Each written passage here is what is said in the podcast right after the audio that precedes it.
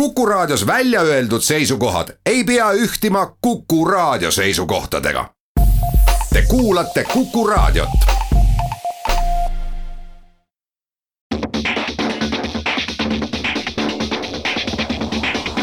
autotund.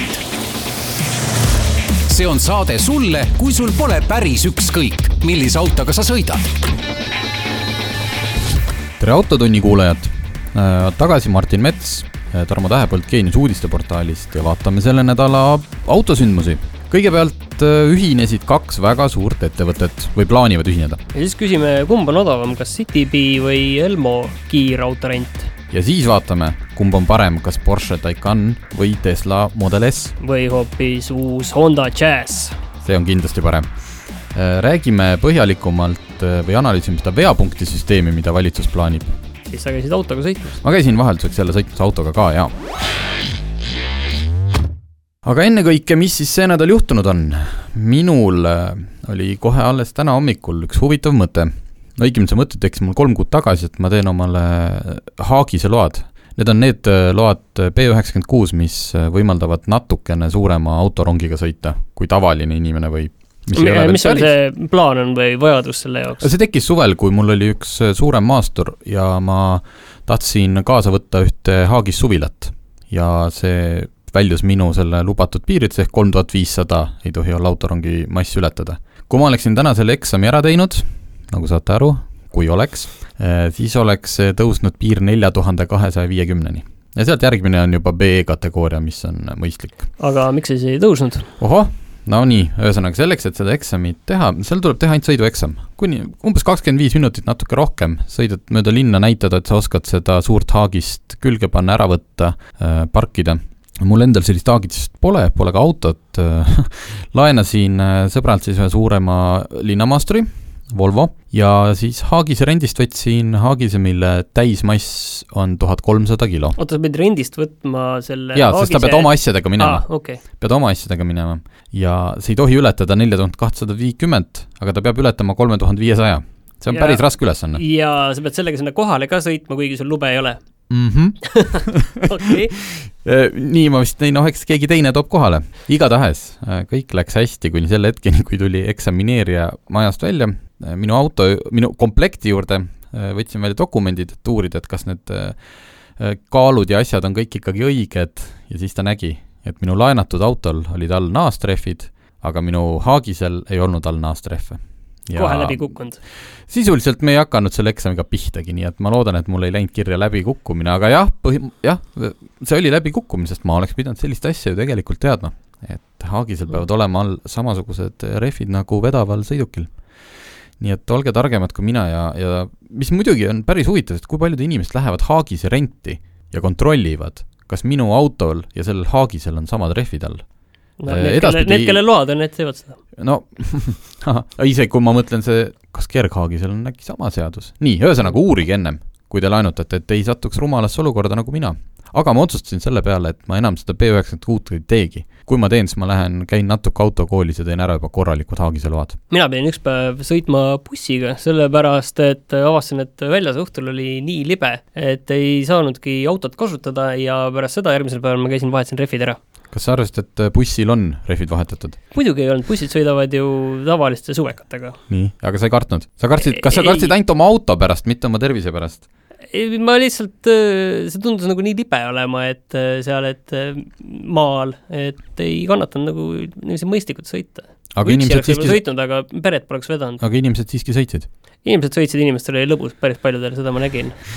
okei okay,, sellega seoses, ähm, kes te nüüd kuulate meid teisipäeval, Äh, siis äh, selleks nädalaks annab ilmateenistus konkreetse, mitte tormi- ja lumehoiatuse, aga tulevad kraadid, mis on ka kuni miinus seitse. et see ei ole mitte võimalus, et läheb külmaks, vaid nüüd lähebki külmaks. ja tahaks panna südamele, ärge olge see inimene, kes hakkab rehve vahetama siis, kui on hilja, sellepärast et pooled meist kõigist äh, lähevad nagunii, kui nad avastavad hommikul, et on libe, teevad ikka oma sõidu ära noh, sõidan natuke aeglasemalt, aga täitsa kindel on see, et kui sa sõidad suverehvidega ja on must jää, siis see, kas sa sõidad üheksakümnega või neljakümnega, suurt vahet ei ole, pauk on lihtsalt väiksem. aga mingit pidamisest või pidurdamisest ei ole ka neljakümne puhul ju juttu, nii et äh, kas ärge sõitke või minge kohe rehve vahetama nii, räägime sellest suurest ühinemisest.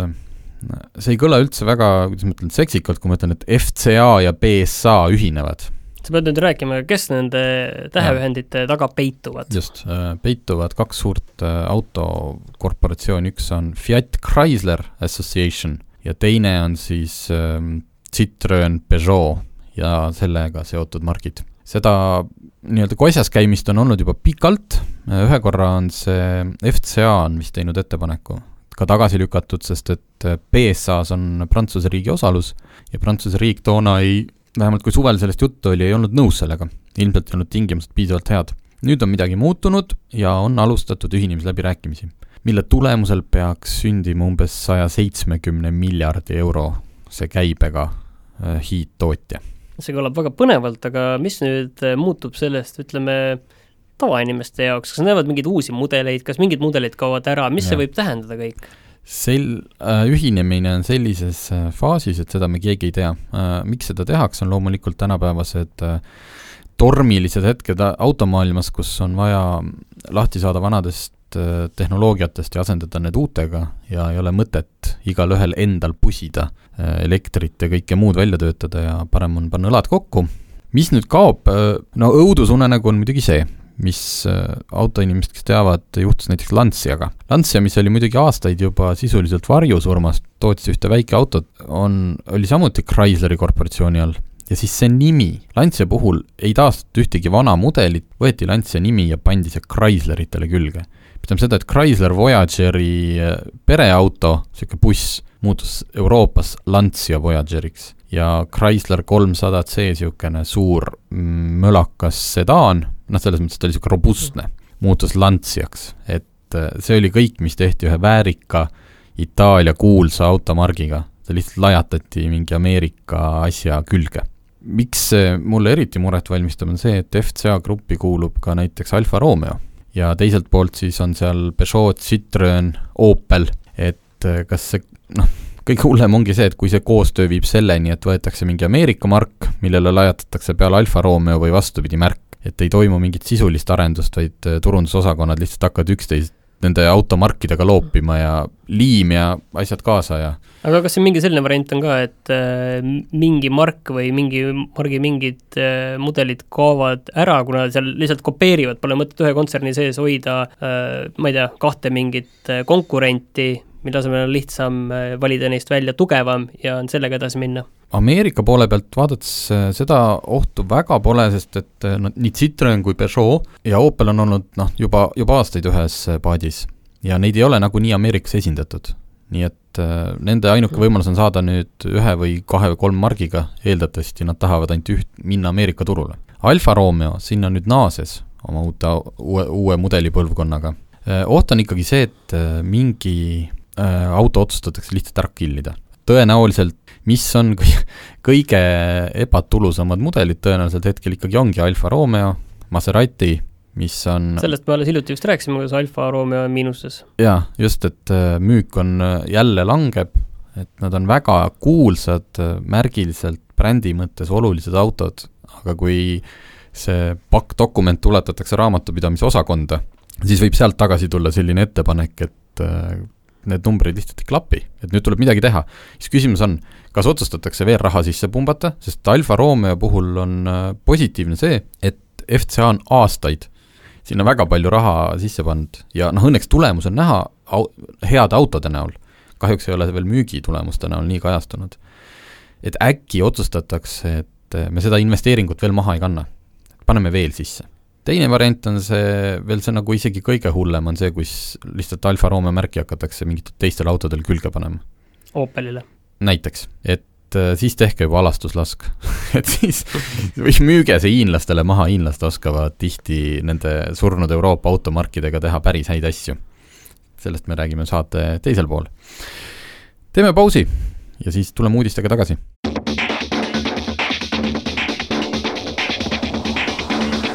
autotund. see on saade sulle, kui sul pole päris ükskõik, millise autoga sa sõidad. autotund on tagasi, äh, oleme siin viimastel nädalatel palju rääkinud Citybee äh, kiirrendiautodest ja selle raames kuidagi äh, jäänud kõrvale meelest läinud millegipärast Eesti oma Elmo rent. kas sina oled Elmo rendiga sõitnud? ei ole kusjuures. mina tegelikult olen ja, ja juhiti meie tähelepanu sellele, et tõepoolest ei ole ju Citybee esimene ja ainuke kiirrent, et ka Elmol on Tallinnas siin-seal autod äh, niimoodi võtta, et äh, aga Elmo juures on vist tüütu see, et sa pead auto tagasi viima sinna laadija juurde või? jaa, et äh, see ongi, kuna Elmo rendib elektriautosid, siis neid sa ei saa suvaliselt jätta kuskile platsi peal, lihtsalt ta erineb sellisest kõigest tavalisemast autorendifirmast jah, et neid kohti on mitmeid, kus sa saad Tallinnas jätta. aga kas see on nagu põhiline erinevus või on mingeid erinevusi veel nagu fundamentaalseid, et sa pead äh, viima tagasi Elmo auto, sa võid muidugi viia suvalisse kohta, suvalisele, selle Elmo laadija juurde tagasi, on ju? ei, selles mõttes, jaa, sa võid suvalise juurde viia. aga on veel mingeid erinevusi? tegelikult väga ei ole, sest et äh, samamoodi on, et vaba auto saab rentida võtmevabalt, kaardirakenduse kaudu, kohe on sõiduvalmis kakskümmend neli tundi ette teatamisel saab autoga tellida endale sobivasse asukohta. Elmo võrgus laadimine on tasuta, Elmo rendis on ka hübriidautod ja need sisaldavad tankimiskulukoed, noh nagu Citybees. no Citybees on ka, tankimine on, on ju kaetud. aga nüüd tekib see küsimus, et äh, kumb see siis nagu mulle kasulikum on rahalises mõttes? no äh, Elmo enda arvutuste järgi, äh, mis meile saadeti, on nende oma kasulikum. hinnaliselt, neil on väiksem kilomeetri hind. mis see on? Citybil, ai, ütleme kokkuhind on niimoodi, et äh, seitseteist senti on Citybee kilomeeter. Mm -hmm. ja euro või sellel Elmo rendil null koma null viis ehk siis viis senti kilomeeter. ja tunnitasu on Elmol neli ja Citybil neli koma üheksa eurot, nii et äh, Elmo aga Elmol mingit alustamistasu ka ei ole? ei, aga siis... lisandub äh, Elmo puhul see, et saad näiteks ühis, ühissõiduki rajal sõita vaata, see on juba neil pluss, mitte ja, miinus. ja, ja, ja lisa, ja selles mõttes lisandub nagu boonusena, et lisaks sellele, et ta on odavam, saad sa kasutada neid elektriautode boonuseid, sest vaata, Elmo saab ilmselt sellepärast seda asja ka odavamalt teha, et elektriautodel on ju Tallinnas tasuta parkimine et äh, nad ei pea lisaks ise kinni maksma neid äh, parkimistasusid. oot, oot, oot, aga miks me siis räägime sellest Citybeest kui sellisest äh, ta on mass, selles mõttes teisest on... tulemisest no,? palju on Elmol autosid umbes, tead? Viiekümne ringis.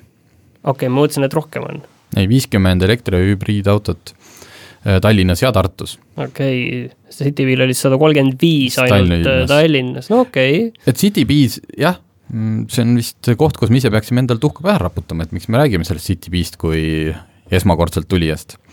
oleme ära unustanud enda tegijad, aga ilmselt see mass jah, et äh, praegu, kui ma Elmot tahaksin võtta, siis ma peaksin ikkagi natuke rohkem otsima, et kas teda, kui seal Viru keskuse omas ei ole kahte autot, kus on siis järgmine, aga kas sa neid Citybee masinaid, neid eh, Fiatikesi oled tänaval nagu näinud ka või? torkavad need silma või? ma olen, tead, ma ei ole nüüd päris palju Tallinnas käinud, aga kui ma, ma olen siin kaks päeva pikemalt olnud, ma olen ühte näinud.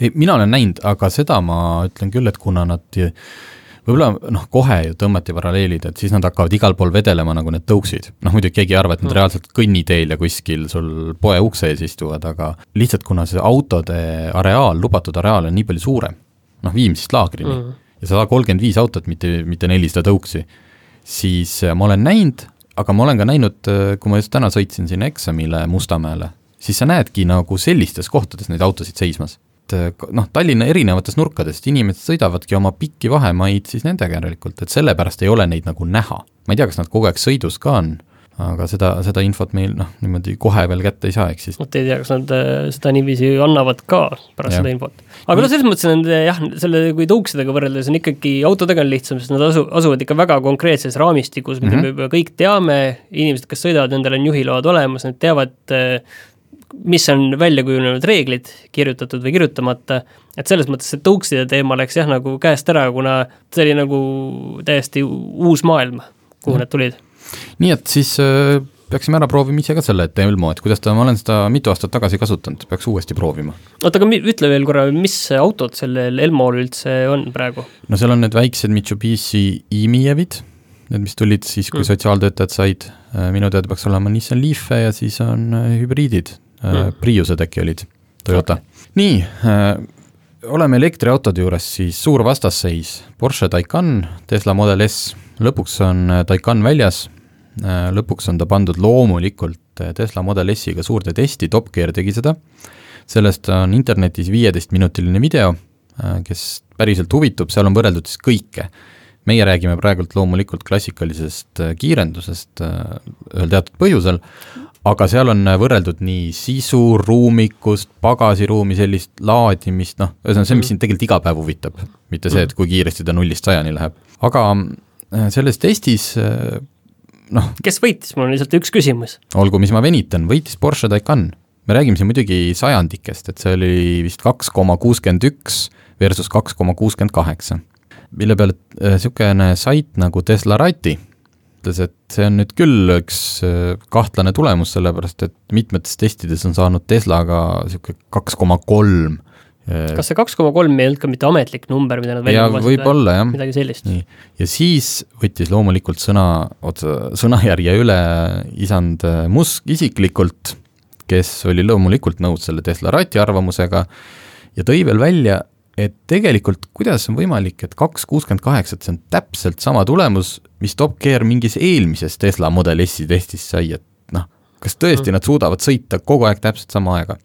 et siin on mingi kahtlane värk. Äh, Top Gear vastas, tunnistas, et jaa, et see kaks kuuskümmend kaheksa ei ole sellest testist pärit, see on eelmisest testist, sest selles testis nad tegid viis korda seda nullist sajani kiirendust, iga kord võitis Porsche Taycan ja iga kord oli Tesla Model S-il isegi kehvem tulemus kui see kaks kuuskümmend kaheksa. Ja nad lihtsalt, et noh, et oleks aus, siis nad panid selle, mis nad on kõige parema tulemuse saanud Model S-iga. nii et vaene Elon Musk peab jälle jälle millal oma see, lapsukese eest võitlema. millal see Taycan nüüd äh, müügile tuleb?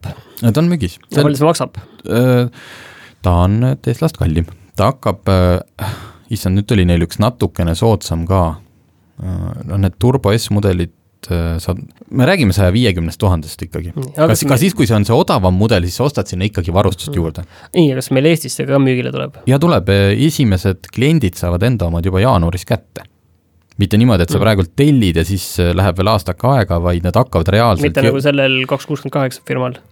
jah et need Taycanid hakkavad reaalselt jõudma Eestisse juba talvel okay.. ja siis ma loodan, et äh, jõuab ka tema auto ja siis hakkame ka proovima kiirendust jäisetel teedel kumb on kõvem. nii, aga kuniks meil ei ole veel äh, Model S ja Porsche Taycani, äh, siis räägime näiteks uuest Honda Jazzist, mida meil ka veel pole, aga mis on nüüd avalikustatud ja Honda Jazz on üks selline müstiline väike auto. ma olen lähemalt, mitte päris isiklikult, aga heade tuttavate kaudu kokku puutunud mitme põlvkonna jagu Honda Jazziga ja tegu oli inimestega, kes pidid reaalselt väga tihti väga palju asju tassima ütleme, muusikud. ja see oli, nad ütlesid, nad ei suuda ära, noh, kuidas seesama kogus, mida nad toppisid sinna Honda Jazzi, ei kippunud palju suurematesse universaalkerega autodesse mahtuma, et see Honda Jazzi võimalus, kuidas sa tagaistme, põhi, no sisuliselt see on nagu pink, keerad täitsa maha vist. mis on alt tühi, sa saad selle üles tõsta igatepidi, et äh, moodustus selline tõeline, ma ei tea, kas Jazzil oli kunagi otseselt eesmärk olla kõige mahukam väikeauto aga ta sai selle poolest väga kuulsaks ja nüüd on selle siis äh, päris mitmes põlvkond väljas, noh, tulemas kohe. jõuab järgmine aasta Euroopasse ka müügile.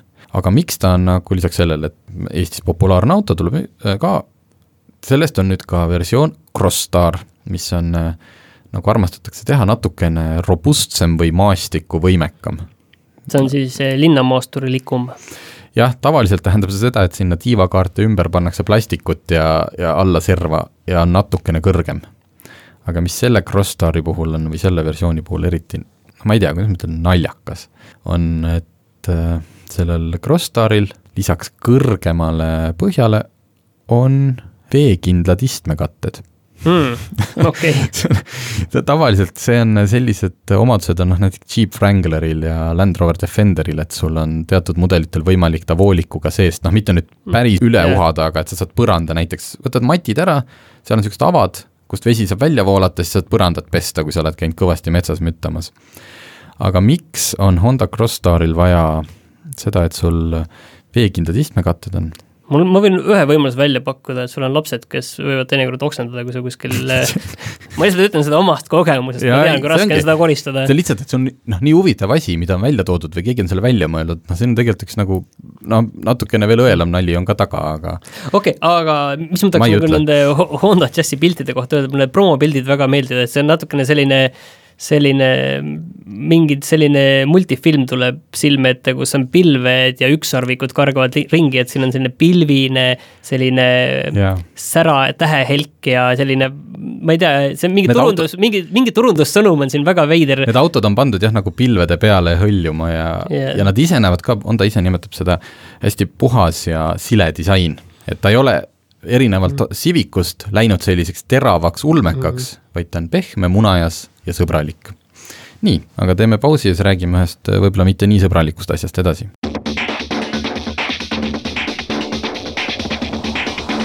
autotund. see on saade sulle, kui sul pole päris ükskõik, millise autoga sa sõidad. veapunkti süsteem kõik hakkasid värisema, mis see on? see, see natukene räägid niiviisi, et see tähendaks nagu midagi väga halba ja kurja. tegelikult ma ei tea sest Eestis on see plaan on täiesti uus, et äh, vali... seda minu meelest see on mõne aasta tagant, see on ka, see on aeg-ajalt nagu kerkib see on asi, mis tuleb, eks ju, nagu aut- siis..., äh, tuleb nagu automaks, eks yeah. ju, on üks asi, mida alati välja tuuakse, siis on äh, mingi kinnisvaramaks, et juhul, kui sul on liiga suur ja kallis maja, ja siis on veapunkti süsteem mis on siis äh, eriti tuntud Inglismaal, aga üllatuslikult ka mitmes muus Euroopa riigis, on see, et kui sa mingit pättust teed roolis, siis sa lisaks trahvile minu arust on lisaks, et sa trahvi võid ka saada mm, -hmm. jah, on küll ja., jah, sa trahvi, siis pannakse lisaks ka punkt. oota, räägi kõigepealt, mis sellega Eestis plaan üldse on? et äh, kas see nüüd tuleb või ei tule või mis see seis nagu on? no ütleme, kohe, kohe ei pea kartma, äh, see on, või, või siis lootma, kes kuidas. Äh, Taavi Aas tegi avalduse, et Eestis on liikluses asjad nii hullud, ma isegi ei tea, miks nad nüüd siis nii hullu, palju hullemad on meil, eks me aasta lõpu statistikas näeme, aga minu arust on praegult võrreldes eelmise aastaga päris hästi. loodame, et nii jääb. aga igal juhul minister ütles, et asjad on halvad ja on kutsunud kokku töögrupi, kes peab järgmiseks sügiseks välja töötama veapunkti süsteemi kontseptsiooni. et see ei tähenda et seda, et see kohe järgmine sügis läheb äh, Riigikogus hääletusele ja novembris hakkame punkte saama ja see kõlab, eks ju, nagu antakse punkte sulle, aga need on karistuspunktid mm.. sõidad liiga kiiresti, politsei peab kinni, saad trahvi ja saad karistuspunkti. järgmine kord pargid valesti, sellest vist mitte, no eks ongi, kontseptsioon töötatakse välja Äh, oled joobes roolis, saad trahvi, saad veapunkti. aga mis siis juhtub, kui ma piisavalt palju punkte saan? no Inglismaal on see, et kui sa saad kaksteist punkti täis, äh, siis äh, võetakse load ära teatud ajaks aga aga kas meil on see ju praegu ka tegelikult olemas selline asi, et, et kui jääd joobes juhtimisega vahele, sul on enne ka mingi, mingid karistused all ja siis võetakse mingiks ajaks, no see on, selles mõttes ma saan aru, et see on kohtuotsusega vist, või ja. kuidagi, et see ei ole niiviisi automaatselt? jah, äh, no meil on, aga meil on äh, esiteks üks vahe suur on juba see, et see kehtib ainult aasta. Et aasta pärast su äh, kaob see nii-öelda registrist ära, kuigi mul on väidetud mm., et ega see noh, ega siis nagu kuidagi ära ei kustu, et lihtsalt ma ei tea, ikkagi teatakse, et sa no see ei ole aktiivne karistus, see vist mingi aja tagant ja. kustutatakse tegelikult sealt ka päris sealt ära? jah, et seda isegi noh, politsei nagu ei näe, et see oli aktiivne, aga teatud määral see politseinik näeb neid äh, uuemaid, kuigi see on nagu karistus on kantud, kuidagi niiviisi on see. jah, aga mõtlen, et kui sealt natuke on näha, et noh, kui ma näiteks eelmisel aastal oli mul, ma ei tea, viisteist rikkumist, aga see aasta olen puhas poiss, et siis on vist ikkagi näha, et ma, kas ma olen nii hästi õppinud või aga veapunktidega näiteks Inglismaal on see, et äh, need kestavad äh, kuni neli aastat. see, sinu rikkumine on seal kirjas selle punktina, et see ei kustu sul aasta pärast ära, mis tähendab, et äh, noh. ja siis nagu nelja aasta pärast siis need hakkavad teisest otsast need punktid nagu yeah, ära kustuma yeah,. Yeah. aga kuidas see nagu, on see ennast nagu õigustunud ka, see veapunkti süsteem, ma ei tea, Inglismaal või mujal? kas see on nagu kuidagi hea asi või ma mõtlen, et on see kuidagi nagu lisakaristus ja mis ei ole toiminud? no ma arvan, et see on lihtsalt üks äh, karistusliik, mis on äh, kuskil juba välja töötatud, teatud uuringud on tehtud, ilmselt ta mingit pidi toimib. Ja kui valitsus arvab, et meil on asjad väga halvasti, noh siis tuleb midagi muuta, eks ju, kõik on üritatud äh, trahvisummasid tõsta, mobiilsed kiiruskaamerad, kõik, kõik, aga et ikka veel on vähe. Et äkki siis on see inglaste ja mitmete muude riikide veapunkti süsteem see võlukepike, mis meie liiklust parandab lihtsalt see on see, et ega sa kii-, seal on see, et ega sa kiirustamise eest näiteks ei saa mitte ühte punkti, vaid sulle võidakse panna ka noh, näiteks hakkan otsast minema, peale õnnetust ära põgenemine, noh et sa ei jää seisma, on viis kuni kümme punkti. et see on ilmselt raskuse järgi, et keegi ikkagi peab otsustama ja see jälle natuke on halb, et see, vaata, see ei ole kindel. et see võib olla viis, see võib olla kümme, võib-olla on seitse, ikka on keegi vahel, kes otsustab, mis see siis on. see on üks selles mõttes üks, siin ma saan sellest kohe aru, et üks asi, millest ma ei ole aru saanud, et kui me vaatame neid politsei videosid, kus jälle keegi sõidab politsei eest ära, on ju, ütleme, et Jah. et põhjustas mingi liiklusõnnetuse või sõitis täis peaga ja siis sõidab politsei eest ära, siis selle eest nagu, et ära sõitis, see on umbes niiviisi, et pärast saime kätte, et ahah, tore, noh, saime mm -hmm. kätte ja ja see tüüp seal autos ütleb ka, et ahah, noh, saite kätte. aga et see ei ole nagu, ja siis tehakse trahv selle eest, et ta oli joobes roolis, on ju. et see eest ärasõitmine, see on minu meelest nagu Eestis väga nõrgalt äh, karistatud. jah, et siin on ju õpet-, kas äh, õpetlikkuse mõttes neid superkihutajaid, kes kuskil saja seitsmekümnega, saja üheksakümnega vahele jäävad, viidud otse sisuliselt äh, arestimajja. et istudki viisteist päeva mm mõtled järgi, aga minu arust võiks sama teed pidi minna ka, et nii kui sa noh, ilmselgelt ei reageeri politsei märguandele, siis noh, ainuke koht, kuhu sa rändad sellel õhtul, ongi kindlasti arestimaja. jaa, ja sest need on ju kohad, kus äh, politsei peab kasutama mingit äh, Jaa. korralikke ressursse, et sinna hakata taga ajama kõik piirkonna masinad, mis on vabad, tulevad järele, et see on nagu, et minu meelest see on kuidagi Eestis nagu liiga lihtne, et sa proovid ära sõita, et vaatad, kas läheb nagu õnneks. jah, siis äh, näiteks äh, Itaalias ma loen siit praegult, äh, lähtudes interneti andmetel, ma loodan, et need on veel õiged, on igal, see on, see on nagu sündides, saad juhiload kätte, sul on kakskümmend punkti, aga need on sinu preemiapunktid. ja iga kahe aasta tagant, kui sa ei ole rikkumisi sooritanud, saad kaks punkti juurde. kuni kolmkümmend punkti võid kokku saada, et niisugust, kui sa Itaalias kohtad inimest, kes on kolmekümne punktiga, siis ähm, suru kätt, ütle no hästi, tubli oled. aga iga rikkumine võtab sul jälle sealt neid punkte maha. aga kui sa oled äh, näiteks, näiteks äh, foori, fooritule eiramine, kuus punkti. aga kas see siis nii ei ole umbes, et kui ma saan saan sinna kolmekümne punkti peale, siis ma mõtlen, et nii, nüüd ma võin No nagu vot. ühe korra kahe promilliga sõita ja ühe korra politsei eest ära põgeneda ja mul on ikka veel seal suht normaalselt mingi viisteist, kakskümmend punkti koos, et no sinusuguseid, sinusuguseid susserdisi on ju läbi nähtud ometigi, sest et teise joobes juhtimise korral ühe aasta jooksul või kahe aasta jooksul võetakse sul kohe load ära. keegi ei hakka sul siis aga miks siis, mis siis nende punktide mõte on jälle, siis mul tekib jälle küsimus, et äh, aga see võiks niisama ka olla nii ju.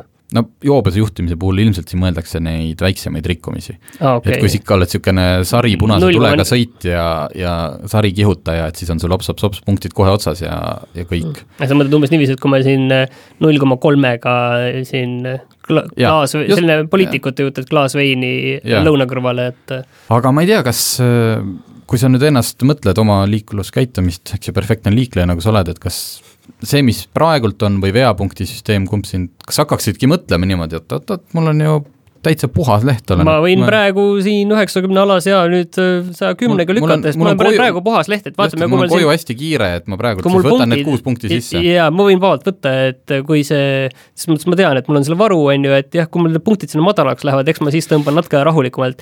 et ma arvan, et äh, minu meelest, võib-olla minu rikutud mõtlemise juures selline punktisüsteem kultiveerib sellist mõtlemist, et jah, ma võin endale lubada ühe või kaks mingit sellist rikkumist ja selles mõttes see punktisüsteem on minu meelest halb.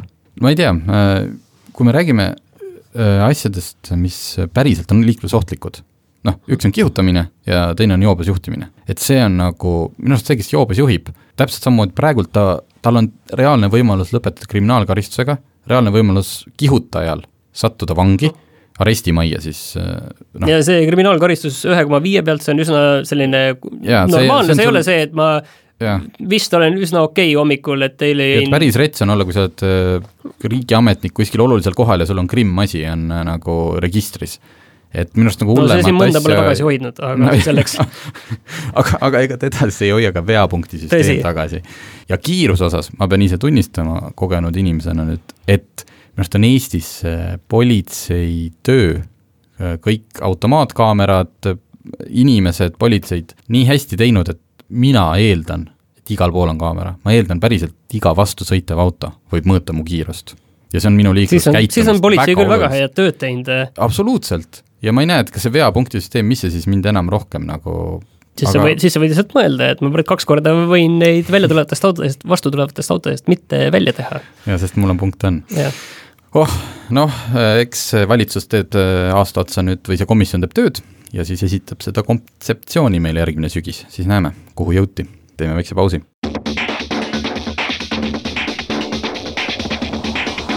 autotund. see on saade sulle, kui sul pole päris ükskõik, millise autoga sa sõidad. oleme Autotunniga tagasi ja räägime siis proovisõidust peaks vahepeal Martinile ka midagi sõita andma, muidu on niimoodi alati, et nagu mina sõidan ja siis tundub, nagu ma teeksin siin liiga, et ma olen selline. aga mina saan küsida. mina olen see, mina olen see pulli, kes kogu aeg võtab kõik autod endale ja, ja sina pead vaatama kahjutundega ma Fiat Pandaga käisin vahepeal sõitmas oma nii, aga sul oli midagi sarnast, ma saan aru, istumise all? jaa, mul oli Fiat Pandaga midagi sarnast äh,, absoluutselt mitte äh,. mul oli istumise all mõneti elektriauto, mõneti suur hiiglaslik linnamaastur, äh, ehk siis pistikhübriid, Volvo XC90 T8. see on niisugune twin engine, kahe mootoriga, üheksateist kõlariga, neljasaja hobujõuga. see on siis äh, hübriidauto, mis laeb ennast nii sõites, kui sa pidurdad, ehk siis pidurdusjõudu kasutab, sa saad lülitada mootori sellisesse režiimi, et osa tema sellest äh, bensiinist, mida ta põletab, läheb elektri tootmiseks, näiteks kui sa tead, et sa tahaksid äh, millalgi sõita natukene ka elektrijõul, siis sa kulutad rohkem kütust. või sa oled kõige tublim inimene ja paned õhtul selle auto pistikusse või tööle jõudes. ja laed ta täis ja saad sellega sõita nelikümmend kilomeetrit puhta elektriga. kuule, mul oleks kohe üks küsimus, kui ma vaatan seda autot siit eest, et kas see on ainus Volvo, mis on tigeda väljanägemisega või? mis üldse on olemas? ta on tige või? Minu meelest nagu eest näeb ikka selline tige natuke välja, et X-i silmad, ei, X-C kuuskümmend on ka, nad on eest kõik hästi sarnased nüüd, X-C üheksakümmend on tulnud, vaata, kui sa, ma ei tea, see iluvõre on seest kumer, varem oli ta punnis hästi oluline detail, aga selle järgi tunneb ära uue, uue mudeliaasta XC üheksakümne. ja lisaks sellele on tal ka elektrooniline käigukang. kui varem oli selline automaatkast on neil noh, loomulikult, et sa pead ikkagi selle kangi reaalselt, sa tunned, noh, klõkk mm, -hmm. klõkk järgmises asendis ja nüüd on sul lihtsalt niisugune ähm, ilusast äh, kristallklaasist äh, nupp, millega sa siis tõk-tõk kaks korda tagasi või tõk-tõk kaks korda edasi, et tagumist ja nii, aga need äh, asjad ei ole selle auto juures üldse tähtsad, tähtis on see, et kas elektriga saab sõita. saab, ma kasutasin kõiki meto-, me-, meetodeid, äh, kasutasin seda, et sõitsin Tallinnast Tartusse, alustasin sõitmist tühja akuga ja panin sellesse režiimi, et palun ühtlasi lae ka, sest ma tahan proovida Tartust edasi sõita elektriga. jõudsin Tartus, sõitsin hästi viisakalt. noh, selles mõttes, et mitte ei ületanud kiirust, vaid ma ei rapsinud ka, selles mõttes äh, sain kasutada seda ideaalset äh, adaptiivse püsikiirushoidja asja. sa lihtsalt tiksudki seal ja tekkiski kuskil enne Mäo risti tükk aega tekkis mingi kolonn ja olingi seal oma mingi kaheksakümnega tiksusid seal kõigi sabas ja, ja las ta siis oli Tartu jõudes oli mul kütusekulu kaheksa koma seitse. me räägime bensiinimootoriga maasturist, mis kaalub tühjana kaks koma neli tonni. Tartust sõitsin edasi elektriga, mul oli tekkinud ilusti sinna number nelikümmend, ma saan nelikümmend kilomeetrit elektriga sõita. ja põhimõtteliselt saingi. noh, ma ei, ma ei, ma nii täpset arvestust ei pidanud, aga see ei ole see, et, nelikümmend ja ühtäkki on sul kakskümmend ja siis on viis ja oled, oled sõitnud kolm kilomeetrit. aga palju see siis nagu kumulatiivselt see kütusekulu tuli? Räägime siis edasi, oota, katse on pooleli ära rutta sündmusest ette, nagu ütles Vilju Reiljan. siis jõudsin äh, Setumaale, kus ma panin auto kaabli otsa, mis oli eriti naljakas, sest et see on vana talumaja, kus on ühefaasiline elekter. ja, et maja maha ei põletanud, ma ütlen ma lootsin ikkagi, et see, sinna on veetud sisse ikkagi uued juhtmed ja kaitsmed. siis see auto näitas mulle, et ta laeb ennast kuusteist tundi. et saada nelikümmend kilomeetrit sõiduulatust aga kuna mul ei olnud plaanis sealt lähema kuueteist tunni jooksul ja ise elektriarvet ei maksa. jaa, et äh, las ta siis laeb ja laadis ennast täis hommikuks ilusti. hakkasin sõitma ja noh, jälle, esimesed nelikümmend sõitsin elektri peal ja pärast siis sõitsin ökorežiimis, nii et ta mulle enam elektrit ei toodaks. vaid nagu sõitsin siis tavalise autoga, et nii palju, kui ta pidurdusest sai seda, siis ta kasutab seda jällegi kiirendustel. et sul näitab mm. nagu, et sul elektri see läbisõit on null või sõiduulatus, aga ta ikkagi noh, startimisel saab, noh, nii palju, nii palju aitab, jah Tallinnasse jõudes oli mul selle hiidauto äh, keskmine kütusekulu seitse koma seitse, mis äh, arvestas seda, et no ma väga palju ei kasutanud seda neljasadat hobujõudu, mis tal on. no paar korda lihtsalt proovi mõttes, et äh, mis tunne siis on, no läheb edasi küll. kui ma muidugi oleksin kõvasti seda pedaali sõtkunud, et noh, iga foori alt läinud Jaa. niimoodi, et tükke lendab, noh siis, siis oleks ei olnud seitse koma seitse, aga kui sa oled mõistlik inimene ja kui sa saaksid tõesti, noh, küsime nüüd kohe ostusoovitus või mitte, no mis see hind oli? väga kallis. ei, mingi number on ka või? mingi number on ka, sellel autol vist oli äkki sada kümme tuhat selle auto hind. see on muidugi, me räägime siinkohal, nagu ma enne ütlesin, üheksateist kõlarit, tal on Powers and Wilkinsi niisugune imeline helisüsteem. ma ikka seda testisin kõvasti, proovisin kuulata Arvo Pärti, ma ei tee väga tihti seda, ma pean kahetsusega tunnistama. ühtlasi sain aru, et ähm, depressiivsele ees- eestlasele ei ole võib-olla Arvo Pärdi kuulamine kõige parem asi, mida teha Kes- Pim- pimedal kes- hämaral sügisõhtul, sõites läbi puudeta metsasalu. edasi läksin üle natuke li-, lõbusama roki ja ühesõnaga, väga hea. kogu see Volvo on jätkuvalt, noh, X90 on päris mitu aastat turul olnud, see on nüüd väike uuendus lihtsalt ja siis see pluss see D8 mootor. Ta on selline Skandinaavia lounge, noh. ta on, sa istudki rahulik, disain on tal seest hästi selline nupuvaba, sile, valge, hele, kõik on nagu, iste masseerib sind selle, et selle raha eest sa saad küll päris palju. aga kui sa, kui sa elad kortermajas või kui sa elad kohas, kus sa ei saa iga õhtu seda juhet seina panna, siis osta tavaline. Volvo tuli nüüd välja ka B5 äh, mild hübriidiga, mis äh, millel ei ole seda laadimisvõimalust, aga ta teeb ikkagi seda pidurdustel äh, energia regenereerimist siis selleks äh, kiirenduseks. et sa saad olla rohelisem, aga maksta päris mitukümmend tuhat eurot vähem.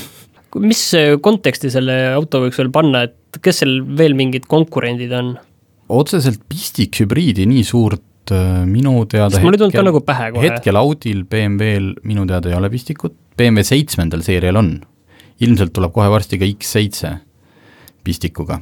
ta otseselt ei ole, et äh, ta on niisugune noh, suur, seitse kohta on seal võimalik saada. selles mõttes ta on nagu suur, suure pere auto, kes on, kuidas ma ütlen, hästi jõukas ja tahab olla natuke roheline, et tõesti, see on see, sa ei päästa sellega maailma, aga sa saad kuidagi natukene enese, enesetunnet parandada jah, et kui sa teed neid oma igapäevaseid linnasõite, et sa saad seda teha elektri peal, noh, jumala eest, tee siis. nagunii, kellel on palju raha, kulutab seda palju lollakamatesse kohtadesse kui üks äh, plug-in hübriid Volvo, kus sa tunned ennast lihtsalt nii hästi. vot, ma ei teagi, mis see nüüd oli, see oli niisugune noh, ühtepidi kellel on vaja täismass, sellel autol on kolm tonni, kaaluvat äh, Volvo luksusautot, aga, aga kui sul on seda vaja, siis selline ta on. sõidab nelikümmend kilomeetrit elektri peal küll, see on testitud. Aga meie aeg on otsa saanud, järgmine nädal jälle.